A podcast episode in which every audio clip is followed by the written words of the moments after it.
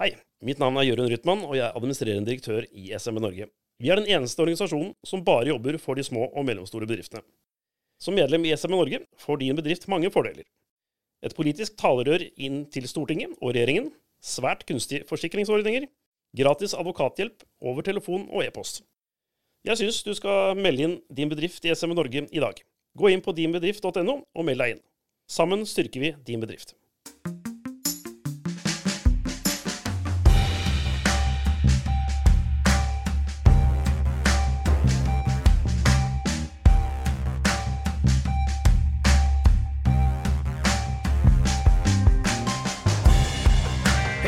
Og velkommen til en ny liten hæs eh, stemmeepisode av SMB Norge podkast med meg, Klaus Jacobsen. og Kristian Eilertsen. Ja, jeg har tygga pastiller og, og drukket te, Roibos-te og Granny-epler og Paracet og det hele tatt. Ikke noe sånn grønn te. Nei, jeg er grønn, men teen er rød. Men, uh, God sosialisme. ja. Nei, men jeg har jo ligget under eh, feberskit i flere dager, altså. Men hva gjør man ikke for denne organisasjonen? Det er jeg helt enig med deg. Man gjør alt for de små og mellomstore bedriftene. Ja, det er veldig viktig. For det er ikke alle som står virkelig på for dem om dagen, dessverre. Nei, det synes ikke, i hvert fall på Stortinget i dag, at man har de små og mellomstore eh, for øye når man lager politikk. Nei. Og spesielt på beskatninga av norsk, eh, norske eiere. Det er jo eh, kanskje der skoen trykker mest nå for Ja. mange. I tillegg til selvfølgelig strømpriser, som er et kjempeproblem for, for veldig mange av våre medlemmer, og bedrifter generelt rundt omkring i landet. Men vi har jo også i denne episoden her, Klaus, med oss eh, to flotte gjester.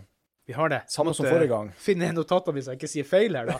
Vi har fortsatt med oss Balder Belsvik og Erlend Ramberg. Hei på dere, gutter. Hei, Ja, for dere har jo da skrevet den eh, store masteroppgaven om utflytting og um, formuesskatten, da, for å si det sånn, da.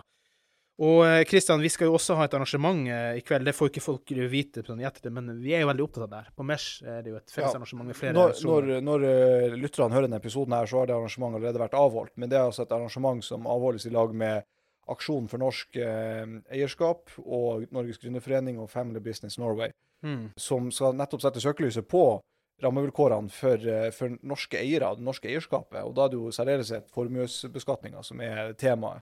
Mm. Uh, og Der vil det bli veldig mange spennende innlegg. Og det er jo noe som også vil være streama, så lytterne kan få se det i etterkant uh, når de hører episoden her. Uh, kanskje Mm. mange har sett den allerede, da, det arrangementet. Men det er nettopp uh, eierbeskatninga som er temaet vårt. Og eh, Balder og Erlend, hva, hva er de ulike skatteformene dere har titta på i masteroppgaven på Norges handelshøyskole i Bergen? Hva, det er jo et vel her. Hva er det dere egentlig har gått og bora inn i? Det er det. Um, hovedsakelig så dreier oppgaven vår seg om eierbeskatning. Mm. Det vil si formuesskatt og utbytteskatt. Mm. Um, og når vi snakker om eierbeskatning, så er det også naturlig å se på verdsettelsesrabatten, um, som er blitt uh, redusert de siste årene. Ja, den var vel 45% og har blitt til 20 Ja, fra 2021 til 2023. Ja. Det er vel nesten over natta i næringslivsperspektiv, er det ikke det? Ja, absolutt. Eh, og vi var, har også vært kritiske til dette her med, med at man ikke har eh, Vi mener kanskje at verdsettelsen er for, for dårlig i dag, eller den rabatten. fordi Mm. at det som er litt utfordrende med unoterte selskaper, eh, ofte aksjeselskaper, da, eller aksjeselskaper i all hovedsak, Mm. er jo at de får jo ikke denne prisinga hver dag på en børs, Nei. sånn som du får med allmennaksjeselskaper. Eh, Så det å komme fram til hva den reelle verdien er av et selskap, er egentlig nesten helt umulig uten å ha denne testinga mot et marked Mm. som du får på, på børsen eller ved børsnotering. Mm. Eh, Så at det er en, en rabatt der i verdsettelsen, det mener vi er helt rett og rimelig, og den, burde, den rabatten burde kanskje være større. Ja. Mm. Og jeg leser jo i oppgaven deres også at det er nokså store skatteøkninger på formue fra 2005 og frem til 2022. Og det er vel vedtatt videre økning i 2023, hvis jeg har skjønt det riktig. Og det er jo ganske store tall det er snakk om på ikke altfor få eh, Nei, ikke på altfor mange mennesker også, da. Hvordan har det her påvirka respondentene deres? Det er jo ikke alle som kan reise, f.eks. Du har familier, kanskje du skal ta vare på din gamle mor, osv. Har dere gått noe inn i personlige samtaler hva det gjør med dem som mennesker? Vi har jo, eh, Gjennom intervjuene våre så har vi på en måte snakka litt, litt løst om, Mm. om hvordan de føler situasjonen er. da. Og her Mm. trekker de opp nettopp dette at det virker mer demotiverende Mm. eh, drive virksomhet i Norge. Uh, det her, et av poengene som kommer fram, er jo at man har, en, har fått en mer polariserende retorikk. og og holdninger mot formuenormen og selskapseiere i Norge. Mm. Noe som gjør at det virker demotiverende og insentiverer utflytting. Men jeg tror nok òg det, du- det du trekker fram med den uh, effektive økningen i, i skatten deres på erbeskatningen. jeg tror det har mye å si òg. og her ser vi jo at den har jo fordobla seg siden 2021.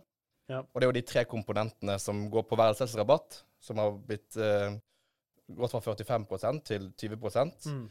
Eh, man har òg utbytteskatten, som har økt fra jeg mener var på 31,6 i, i 2000, eller 2021, og opp nå til 37,8. Og så har man jo formuesskatten, som i tillegg har økt da, fra 0,85 til eh, 1,1 nå for formuer over 20. Mm. Mm. Eh, så det er, jo en, det er jo en sammensatt uh, Man kan ikke kun se på en av de komponentene når man skal se på eierbeskatningen. Uh, man må se helheten, da. Ja, men hvordan har dere klart å holde skattetunga rett i munnen her når dere jobber med det? For at jeg gikk helt i surr når jeg leste rapporten deres. Så det er jo skatter i alle retninger her. Bare bare lese gjennom rapporten deres. Hvordan har dere klart å uh, holde fakta re- rent og bra, liksom? Det er jo klart at uh, det regnestykket som Balder forklarte nå, selv det kommer til å være komplisert å høre når man hører på podkasten, er jeg helt sikker på. Eh, og vi sleit med det i starten, vi også. Mm. vi eh, har jo interessert oss for det temaet og fulgt det lenge. Mm. hatt fag om dette temaet i fjor høst. Eh, så i tillegg til å lese oss grundig opp, så har vi også tatt kontakt med folk som er særlig dyktige på området. Mm. vi har egentlig oppsøkt og vært nysgjerrige og fått så mye informasjon vi kan hele tiden. Ja, Mener du da andre faginstanser enn utenom skoleverket, da? Absolutt. Og folk som er kompetansepersoner innen skatt, enten det er akademikere eller eh, talspersoner for næringslivsorganisasjoner, eller folk som har jobbet mye med skatt, em, så har vi oppsøkt det vi kan, eh, og henta den informasjonen vi kan så mange steder som mulig, eh, for å holde tunga rett i munnen selv. For det er ekstremt viktig at når man har en sånn utredning, så må i hvert fall eh, tallgrunnlaget være riktig. Ja, Apropos eh, tallgrunnlaget. altså Ifølge oversikten deres så har eh, utflytterne da selvfølgelig økt år for år. F.eks. 11 stykker i 2021, 30 stykker i 2022. Eh, Har dere fulgt med i media i 2023? Hvordan ligger tallene? Har dere, har dere ligget og telt, eller hvordan har dere fulgt med på det her? Vi har, ja, vi har jo fulgt med. Um, grunnen til at vi har satt stopp i 2022, er naturlig fordi vi har skrevet den i løpet av 2023. Og det å drive og justere tallene underveis vil jo være litt uh, rart. Um, det vi ser, er at flere har flytta ut, og mediene skriver fortsatt, eh, fortsatt om det. Eh, og det forventes jo at enda flere skal flytte ut. Så et eksakt tall for 2023 det har vi ikke, men vi vet at det er enda flere som har flytta ut nå. Og, og i dialog med, med skatteadvokatene og finansrådgiverne, så oppgir de òg at selv etter, eh, selv etter at den femårsregelen ble oppheva, så har de fortsatt fått sett en økning i, i antall henvendelser da, Mm. eh, fra formuene. Mm. Det var vel kanskje den regelen som ble oppheva fra og med den dagen statsbudsjettet ble lagt fram i fjor høst. Det stemmer. Ikke sant? Og det er jo det som også var spesielt eh, Mm. med den fremleggelsen. Det er sjelden at det skjer at eh, ting som legges fram for Stortinget, får trer i kraft umiddelbart, nesten. Det er ja, merkelig. Det er jo nesten litt på, på et useriøst eh, nivå, spør du meg. da, Men, det er sånn, men den store elefanten i rommet her er jo ikke bare at det er formuesskatt, men det er jo enorme utslagene, altså utslagene som økningen har gjort her, da. Som jo, det må jo sies den sittende regjeringa som har innført her, da. Har dere noen tall og eksempler på hva det kan slå ut for for en bedriftseier? Vi snakka litt om før opptaket at det kan bli litt komplisert, men prøv å beskrive det på en lett måte. Hva økonomisk er det som da gjør at de faktisk velger å flytte ut? da? Hvordan har det slått ut, disse økningene? Jeg kan jo ta det ene regneeksempelet vi har em, i utredningen. Og hvis eh, noen vil se mer på det regnestykket og gå i detaljnivå i tallene, eh, så kan vi sikkert legge ved e-posten vår til slutt der i episoden. Um, men vi har et regnestykke som viser hvordan skattebelastningen være for en eier av et selskap som bor i Norge, og en eier av et selskap som har flytta til utlandet. Uh, det vi ser, er at i Norge uh, så får du da både formuesskatt og utbytteskatt. Um, hvis du har formue, da, selvfølgelig, som vi antar i dette regnestykket. Bor du i utlandet, um, så har du en kildeskatt til Norge uh, istedenfor, som ofte er på 15 Kildeskatt betyr det altså at uh, inntekter har en kilde fra et land? Da. stemmer. Kilde fra, fra Norge, da. Og det gjør at hvis du som selskapseier eh, kun skal ta ut utbytte for å dekke din formuesskatt, så må du i Norge eh, betale, ta ut så mye utbytte at du kan betjene formuesskatten. Da påløper både formuesskatt og utbytteskatt. Og skal du i tillegg også dekke eh, utbytteskatten som påløper på utbytteskatten på utbytte, så blir den skattsatsen høy. Bor du derimot i utlandet um, og ikke må betjene formuesskatt, så er du i praksis ikke nødt til å ta noe ut av selskapet for å betjene formuesskatten. Og da vil ikke en kildeskatt um, påløpe heller.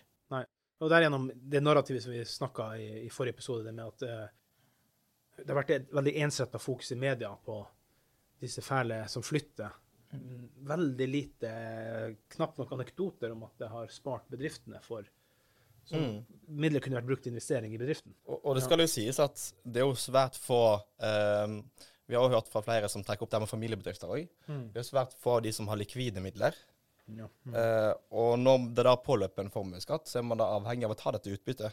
Mm. Så det kommer vi tilbake til det vi pratet litt om i forrige episode, med det at det tapper selskap for kapital. Mm. Så dersom du har en, eh, en eier som bor i utlandet i ditt norske selskap, Mm. så vil du kunne sitte igjen med mye mer kapital i selskapet for videre vekst Mm. enn dersom du kun har norske eiere. da.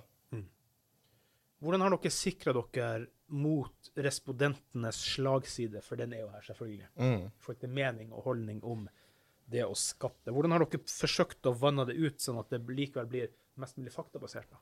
Det er noe vi er eh, veldig åpne om, at enhver sånn type metodikk som vi bruker her, eh, dvs. Si en spørreundersøkelse, har jo en risiko for politisk skjevhet, Ja. og at respondentene svarer i tråd med sine økonomiske hensyn. Eh, allikevel så er tallgrunnlaget vårt så stort, og svarene vi får fra respondentene, er så overensstemte at vi fortsatt mener at det er hold i de konklusjonene vi har.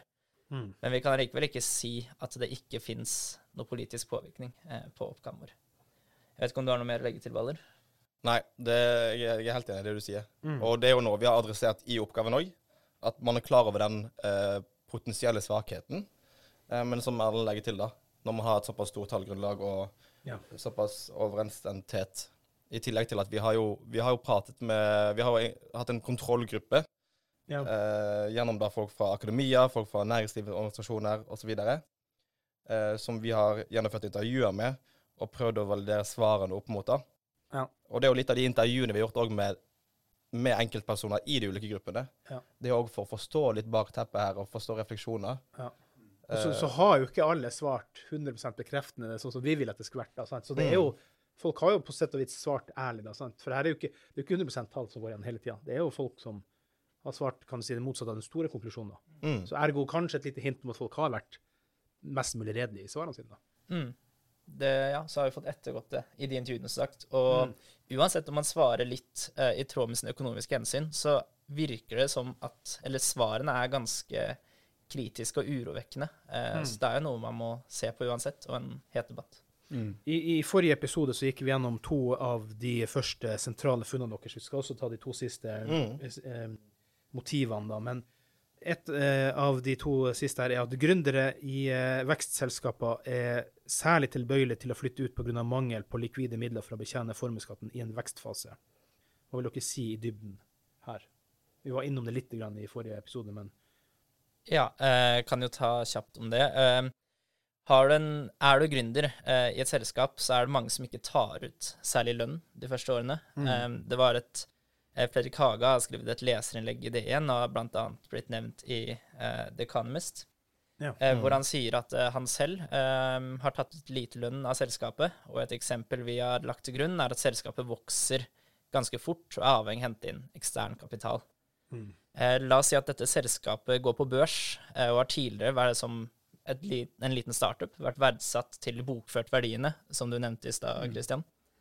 Når de da går på børs, så vil disse verdiene kunne bli langt større. Og da vil formuesskatten vil påløpe ganske fort, fra det er en gründer som tar ut lite i lønn, til han sitter med store formuesverdier. Og da em, ser vi eh, ut fra samtaler med skatteadvokater at disse kan være særlig tilbøyelige til å flytte ut før de ligningsverdiene blir gjeldende. Mm. Og Da ligger det en forventning i grunnen om at det selskapet her skal vokse, og at det er, i, det er store verdier i fremtiden å hente og høste fra dette selskapet. Men er det her litt sånn for å eh, rett og slett forebygge at man ikke blir en ulempe for sitt eget selskap, altså en konkurranseulempe som eier? Det at man velger å flytte ut før måte, veksten tar helt av? Det, det er mye, mye, mye mulig, Ja. eh, men det er ikke noe vi har stilt direkte spørsmål om. Men, men vi har fått en ganske tydelig eh, tydelig svar på at veldig mange velger å flytte ut med på bakgrunn av hensynet til bedriften Mm. og dens investeringer. Mm. Og var litt inne på i forrige episode òg at man går fra å være et aktivum til gjeldspost. Mm. Så basert på de svarene der, så kan jo man trekke paralleller til, til gründer òg. Mm. Men det er ikke noe vi har fått direkte svar på i, i vår uh, utredning, da. Ikke sant. Og så den uh, siste. Vi har flere påfølgende spørsmål her, for all del, altså. Vi er ikke helt runda av ennå. Men 60% av formuende nordmenn bosatt i Norge har vurdert å flytte, og 46% har konsultert skatteadvokat om mulig utflytting. Hva sier det? Ja, vi har rett og slett spurt eh, de formuene som bor i Norge, eh, om du har vurdert å flytte ut. Og da svarer så mye som 60% av det utvalget, dvs. Si av 149 respondenter rundt 90, at ja, jeg har vurdert å flytte ut. Mm. Så er det en noe lavere andel som har eh, konsultert skatteadvokat. Um, I det så innebærer eh, det vi har hørt fra skatteadvokater, ofte å finne ut av hva slags konsekvenser vil det ha for meg. Mm. Som Balder nevnte i stad, med antall oppholdsdøgn i Norge. Må jeg selge boligen min i Norge? Em, kan barna mine flytte? Hvordan funker reglene her, eh, Mm. og hva gjelder? Men du har vel du har lov å eie noe i et annet land selv om du ikke bor? Eller er det problematisk i den sammenheng? Eh, ja, der kommer du inn på skattereglene igjen, da. Ja, nei, det blir overraska. ganske komplekse, men, men Ja. det handler om å disponere bolig da, Ja. i, eh, i et annet land. Ja. Bodøgn, ja. Så det kommer helt an på hvorvidt du er faktisk juridisk flytta ut av landet Mm. mellom, eh, etter disse tre årene. da. Så Ja. inne på i stad med treårsregelen i forrige episode. De, de, de her funnene, vi har også to motiver igjen, Mm. men, men Christian, de her funnene som kommer inn på Skal vi si I told you so? Er det lov for oss å hovere her? eh, Og det er ikke at det hjelper oss noen ting. Nei, det er noe som heter at Håmon står for fall også, så kanskje vi ikke skal hovere Ja, da kan du si det, så la jeg være å si det. Men, men, men eh, det er jo sånn at eh, de aller fleste av våre medlemsbedrifter er jo ikke på en måte aktuelle respondenter i den oppgaven som, som Erlend og Baller har skrevet. ikke sant? Nei, Bortsett fra kanskje noen gründere som kan vokse Ja, frem, da. og det, men det er litt det som jeg ville frem til. Og det er jo det at den, Men likevel så er problemstillinga den samme for dem. Mm. Selv om de ikke er, har store formuer eller er aktuelle for å flytte ut, så har den uansett den samme negative konsekvensene for bedriften og deres vekstmuligheter. At du Mm. må tappe dem for kapital for å betjene en personlig formuesskatt. Penger som du ikke egentlig har personlig i banken, men som du må hente fra bedriften. Eh, og Det er jo derfor vi setter så mye fokus på denne saken eh, politisk. Og Det er fordi at det hemmer verdiskapinga i Norge. Og det gjør at vi får færre arbeidsplasser enn det vi kunne hatt. Og det gjør at kaka ikke bakes større enn den, den er i dag, fordi at du hindrer bedriftene i å utvikle seg eh, mer enn de gjør i dag. Mm. Og Det er derfor jeg sa i stad, eller i forrige episode, eh, det, det her med balansegangen i, i politikken, som vi opplever at ikke treffer så godt i dag. Det er jo de, de beste politikerne, de som klarer å balansere hensynet til behovet for å finansiere det offentlige Norge, velferdsstaten og disse tingene her, men på andre sida ikke tar inn mer enn strengt nødvendig, som gjør at du samtidig klarer å ha vekstforutsetninger for næringslivet, verdiskaperne, samfunnsbyggerne. Mm. Eh, Så Det er derfor den saken er så viktig for oss i SME Norge, og det er derfor vi også gjennom både denne podkasten her Mm. eh, setter søkelyset på det og får høre disse faglige innspillene som, som Erlend og Baller har undersøkt i sin masteroppgave. Ja, altså Kvæfjordkaka blir jo gjerne kalt som verdens beste. Ja, det er jo nabokommunen fra der jeg kommer. Ja, så nå er det jo sånn at, eh, at skattekvæfjordkaka er i ferd med å bli en eh, innskruppen rosin, spør du meg til Ja, slutt. ikke, altså, ja, absolutt. Og så er det jo litt det er, Du kan på en måte skille norske politikere i to. Dem som tror at økonomien er et nullsumspill, at du Mm. bare flytter pengene fra en plass til en annen plass, og dem som tror at kaka kan bake større. Mm. Eh, og SMB Norge vi, vi tror jo på at eh, kaka kan bake større, og dermed også kan gi mer inntekter til det offentlige for å bygge ut velferd, infrastruktur, disse tingene som også næringslivet nyter veldig veldig godt av, og som er en forutsetning for veksten til næringslivet. Jeg kjenner jo eh, Kjetting-Jan litt eh, personlig. Og så nå her om dagen at han også vurderer å flytte. Og han har jo demonstrert fysisk før mot formuesskatten, bl.a. ved at han et år dumpa kjetting utenfor skattekontoret i betaling. Jeg er spent på å se om han skal ta kjettinga med seg på flyet. Ja. Kanskje det er mer ekstreme demonstrasjonsformer som behøves, Christian, for å nå frem hos eh, politikerne til fornuft. Hva tenker du? Ja, den beste måten å demonstrere på er jo da å melde seg inn i SMB Norge, tenker jeg. Ja. Men vi lemper ikke på kjetting nødvendigvis automatisk. Nei, vi tar, vi, Kontingentkravet vårt kan ikke betales i kjetting. Det ja. må betales i cash. Husk at jeg har vondt i ryggen, så det er viktig å huske det. Men her er jo en ting, da. Et, eh, to eh, eh, motiv til som dere også har funnet ut. da. Et av det er jo da at holdningene til norske selskapseiere og formuende nordmenn den er gjerne blitt veldig mye mer sentral i motiv for utflytting. Mm. Og, og det her fremkommer det jo at eh, våre respondenter trekker frem den polariserende retorikken Mm. eh, som blir brukt i media og blant politikere Mm. mot da formuende nordmenn og eh, norske selskapseiere. Eh, og at det da eh, virker demotiverende overfor videre drift og vekst i Norge. Mm. Og det trekkes fram også, på en måte blant sitater som jeg valgte å ta med i utredningen òg, at eh, den type retorikk eh, gjør at man, man føler ikke seg verdsatt, eh, og den jobben man har gjort, ikke føles eh, ut som man får noe tilbake for. da. Nei, og så er det en ting jeg skal notere meg her. altså. Mange av de formuende føler seg jo både nett, sett ned på gjennom mediekjøret, politikerkjøret. Og i jantelovens ånd, som riktignok er dansk, men ofte brukt mest i Norge, så, eh, så blir man jo liksom rakka ned på. Men undersøkelsen deres viser jo det at 87 av respondentene sier at de ikke ville benytta frigjort kapital på eget forbruk. De ville Mm. heller ha brukt det mer lokalt, da, sant? Mm. eller i bedriften, eller på andre ting, da. Og det forteller jo igjen da om et narrativ ute i media som ikke nødvendigvis reflekterer sannheten og fakta i I hvert fall fra de formuendes perspektiv, da. Mm, mm. Og det er, nok, det er nok helt sant. Og vi ser jo eh, litt tilbake til det du prater om, hvordan man, man brukte den frigjorte kapitalen da, med skattebesparelsen. Så er det nesten ingen som sier de ville økt personlig forbruk heller. Nei. Nei. Men, og, og det har vi jo Det det er nok det de blir mistenkt for. mest. Det blir nok mistenkt for. Ja, mm. Men det stemmer jo godt overens med, med konsumteorien. Mm. For den sier jo at får du en økt inntektskrone eller en uh, reduksjon i skatter og avgifter, så har man to valg. Man kan spare, eller man kan uh, konsumere. Mm. Og konsumtilbøyeligheten vil avtas med, med formuesnivå. Det begrenser hvor mange sekundærboliger man trenger, og hvor mange ferieturer man får i løpet av et år. Ja. Så da virker det eh, rimelig at eh, får man en skattebesparelse, så ville man jo investert, uh, styrka soliditet i selskaper, investert Mm. i andre virksomheter. Eh, og det er mindre sannsynlig at vi ville økt personlig forbruk. Så Mm. det stemmer jo egentlig godt overens med teorien. Mm. Men også fra SME Norges si- side så er jo det et demokratisk perspektiv der også. Det at det er, I ethvert demokrati er det bra at også en, en, ja, en viss andel, en, kanskje en betydelig andel av kapitalen i samfunnet forvaltes av andre enn staten. At det er bare staten Mm. som forvalter pengene. Eh, fordi at det er ikke sånn at staten er den beste aktøren til enhver tid til å vurdere hvor skal pengene investeres. Hvordan kan vi få ei krone til å bli ti kroner? Ja. Det tror vi at, at markedet gjør best sjøl. Mm. Uh, og det er det som ligger helt sentralt da, i på en måte, den næringspolitiske plattformen til SME Norge, og som vi kjemper for da, inn mot storting og regjering. Ja, Bør ikke si det til dem, da. Men altså, rike mennesker gir jo ofte fra hjertet til lokale idrettslag og annen kulturting. altså, eh, vil man kunne merke nå en svekka kulturbransje, idrettslag eh, Mange idrettslag har jo allerede i dag en tøff økonomi, fordi at igjen så har mange foreldre nå en tøff økonomi. Stadig nyhetssaker om det nå i media med at har ikke råd til sine barn og være idrett. Du var inne på det i sted, Balline, med ansvarsfølelsen. Mm. Den har dere også titta litt nærmere på her. Mm.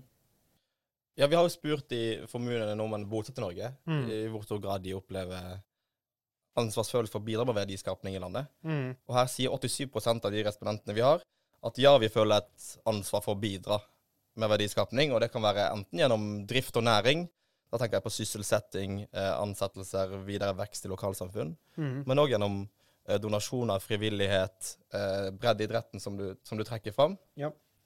Eh, men så ser man en holdningsendring blant utflytterne, da. Mm. Ja, vi ser jo Blant utflytterne så har vi spurt det samme, eller nesten samme spørsmålet. Vi har spurt føler du mindre ansvar for å bidra med verdiskaping i Norge. Mm.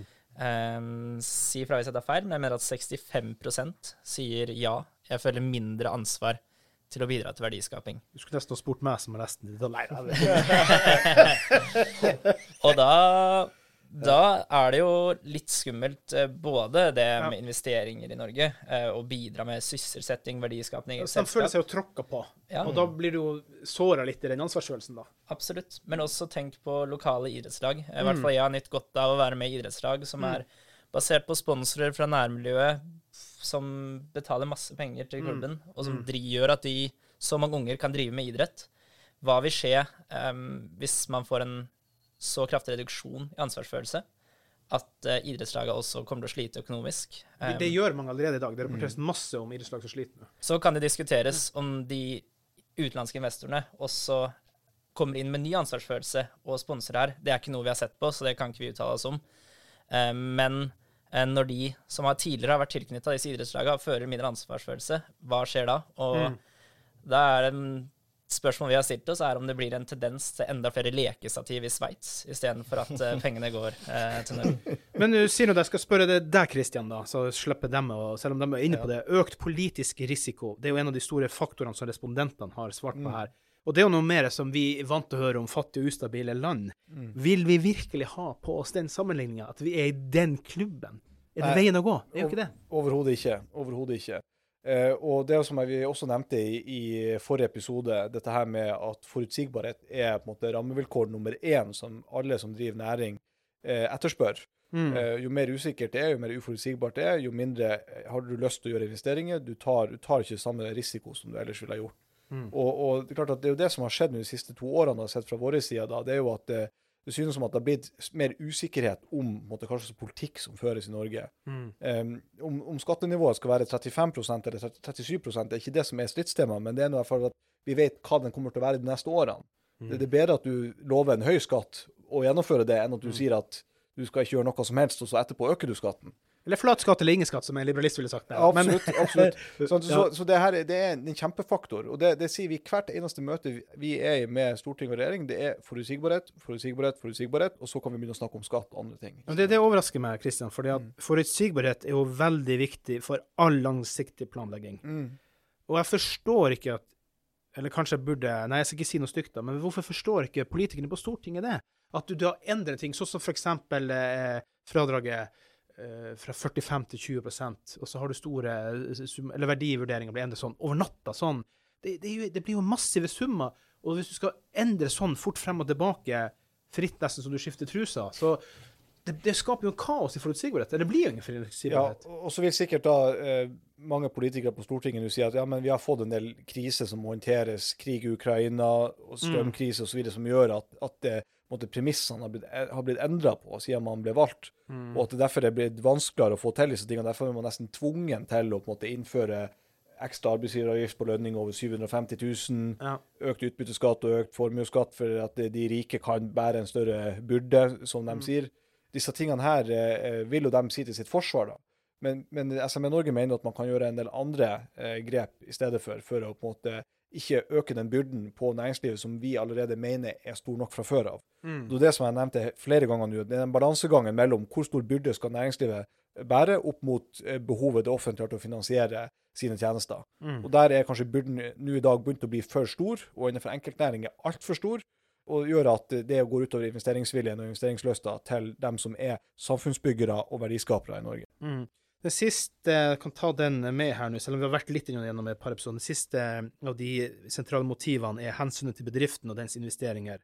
Altså at norsk eierskap har blitt en ulempe. Vil dere utfylle noe mer her på, på det?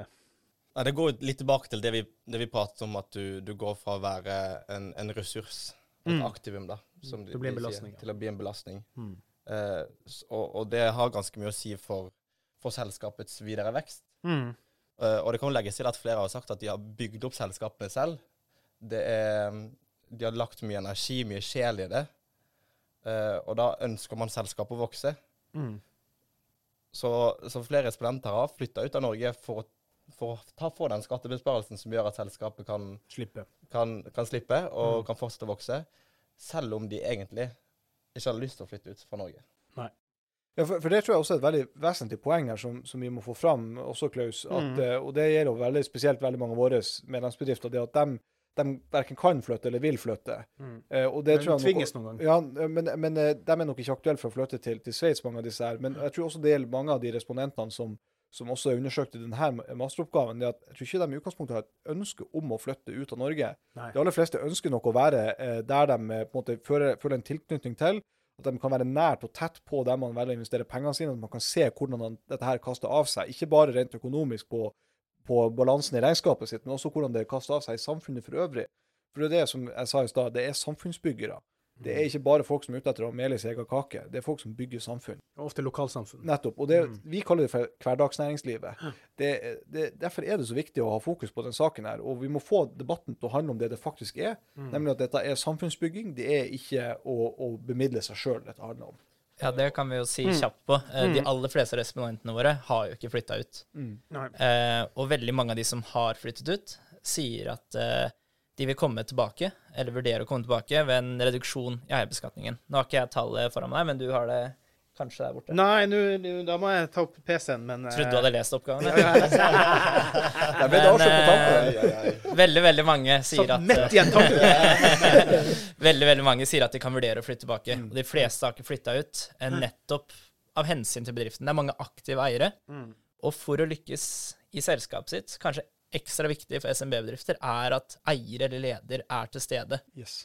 Eh, samme med familie. Det er ikke bare bare å flytte ut barn av skolealder og ta dem med til et annet land. Eh, samme med alder. Mange er litt eldre også. De vil bli i Norge. De føler seg norske, og de liker Norge godt og vil bli. Eh, er egentlig konklusjonen der. Ja, sant, og Det er også det som jeg var litt inne på i forrige episode, dette med det nasjonale sinnelaget som vi mener på en måte må inn igjen i næringslivspolitikken, som handler om at det er bra for Norge at du har norske eiere som utvikler og bygger norske bedrifter, som igjen bygger og utvikler norske samfunn. Det tjener landet vårt på, og det burde flere på en måte også forfekte fra politisk hold, tenker vi. Vi skal, vi skal straks gå inn for landing her, siden vi har tettpakka dag og skjer masse ting i løpet av dagen. da. Men nå har vi jo mer eller mindre kjeppjaga rike ut av landet. Så er neste spørsmål exit-skatten. Hvor ligger den? eh, Hva tenker vi? Hvor, hvor lander den? Har dere noen refleksjoner rundt det? Og Kristian, har du? For den er vel ikke bestemt ennå, men det er vel det man driver og debatterer, er ikke det som er tanken? Og det vil si å straffe dem i tilbakevirkende kraft, er ikke det som er tanken med den? En- exit-beskatning, Ja. det er ikke noe vi har på en måte sett, sett veldig nærme på. Nei, det var nevnt, så jeg Ja, vi, har, vi har nevnt det, og, og konseptet bak en exit-beskatning er jo på en måte trukket frem i oppgaven for, Mm. for å gi en forståelse av den. Mm. Og det faktum at Norge nå holder på å, ut, holder på å jobbe på en måte med det. da. Ja. Eh, og det ble jo annet skrevet i The Telegraph, lurer på når det var. Og så vet vi også at eh, en sånn exit-beskatning har jo vært utredet andre steder, bl.a. i Tyskland. Mm. Um, og vi har snakket med skatteadvokater som sier at den exit-beskatningen kunne vært en masteroppgave i seg selv eh, i å vurdere hvordan en sånn exit-beskatning vil se ut. ja. Eh, så vi har ikke gått i dybden på det uten å forklare hvordan det ser ut. Eh, og om eller når eller hvis en sånn exit-beskatning kan innføres i Norge, tror jeg man må snakke med skatteadvokater eller noen som har bedre peiling på juss enn oss, for vi er først og fremst økonomer. Det tror jeg òg. Er det noe dere vil legge til her til slutt som, som dere vil, eh, som brenner inne, som, som vi ikke har rukket å fått tatt opp her nå, eller? Nei, jeg vil bare si tusen takk for at vi fikk komme. komme. Um, og hvis det er noen flere spørsmål til oss, eller om utredningen, eller noe som helst, så Hvor når de? Ja, de kan kontakte oss på LinkedIn, eller eh, ta kontakt med oss på e-post. Erlend at ramberg.as, eller Vallevelsvik at gmail.com. Seg. Ut, utrolig kult å ha dere med her i episoden i, både i dag og den som eh, også var publisert forrige uka. Mm. det syns vi er veldig veldig givende. Ja. eh, Og at eh, ikke minst det arrangementet som dere også har vært med på og snakka på, eh, det tror jeg var veldig veldig lærerikt og nyttig for, eh, for folk. Og det, som jeg sa i en pause, det var en sjelden god timing på denne oppgaven her, altså. Mm. Eh, så aktuelt og så godt belyst eh, de problemstillingene som veldig veldig, veldig mange av våre medlemsbedrifter er veldig opptatt av. Ja. Så det er, dere har fått en A fra SME Norges side, så får vi satse på en sensor gjør det samme A pluss, pluss, pluss. Men jeg har et siste spørsmål eh, til slutt. En konklusjon. Yes. Har Norge et utflyttingsproblem? Vi har konkludert i, i oppgaven om at Norge har et utflyttingsproblem. Mm. Uh, vi ser en økende trend til uh, kompetanseflukt, til kapitalflukt. Mm. Uh, og primært av de fire hensynene som vi, vi har trukket fram i dag, det er jo det med eierbeskatning. Mm. det er det med hensyn til bedriften og dens investeringer. Mm. Usikkerhet om framtidig skattebelastning og økt politisk risiko. Mm. Og holdninger til norske selskapseiere og formuende-nordmenn. Mm. Og konsekvensen av, av denne økte kapital- og kompetanseflukten, det er jo en investeringsdreining mot utlandet, som vi ser, og en reduksjon i ansvarsfølelsen for å bidra med vekst i Norge. Mm. Helt til slutt, eh, Kristian, det Balder og Erlend og alle lyttere har som oppgave, det er å gå inn og like og abonnere podkasten. Absolutt. Og ikke minst gi oss eh, fem stjerner i rating. Yep, på Spotify og Apple Podcast. Noe mindre enn det aksepteres ikke. Nei, for da sender vi skatteadvokaten din vei. Kontakt oss gjerne på podkast at smbnorge.no. Tusen, tusen takk, gutter. Det ble veldig trivelig prat, selv om det er kompliserte, tunge ting. Så har dere gjort en veldig god eh, jobb i masteroppgaven. i hvert fall. Det er godt stempla, godkjent. Pluss, pluss, pluss fra oss. Mm. Tusen takk for oss. Tusen hjertelig.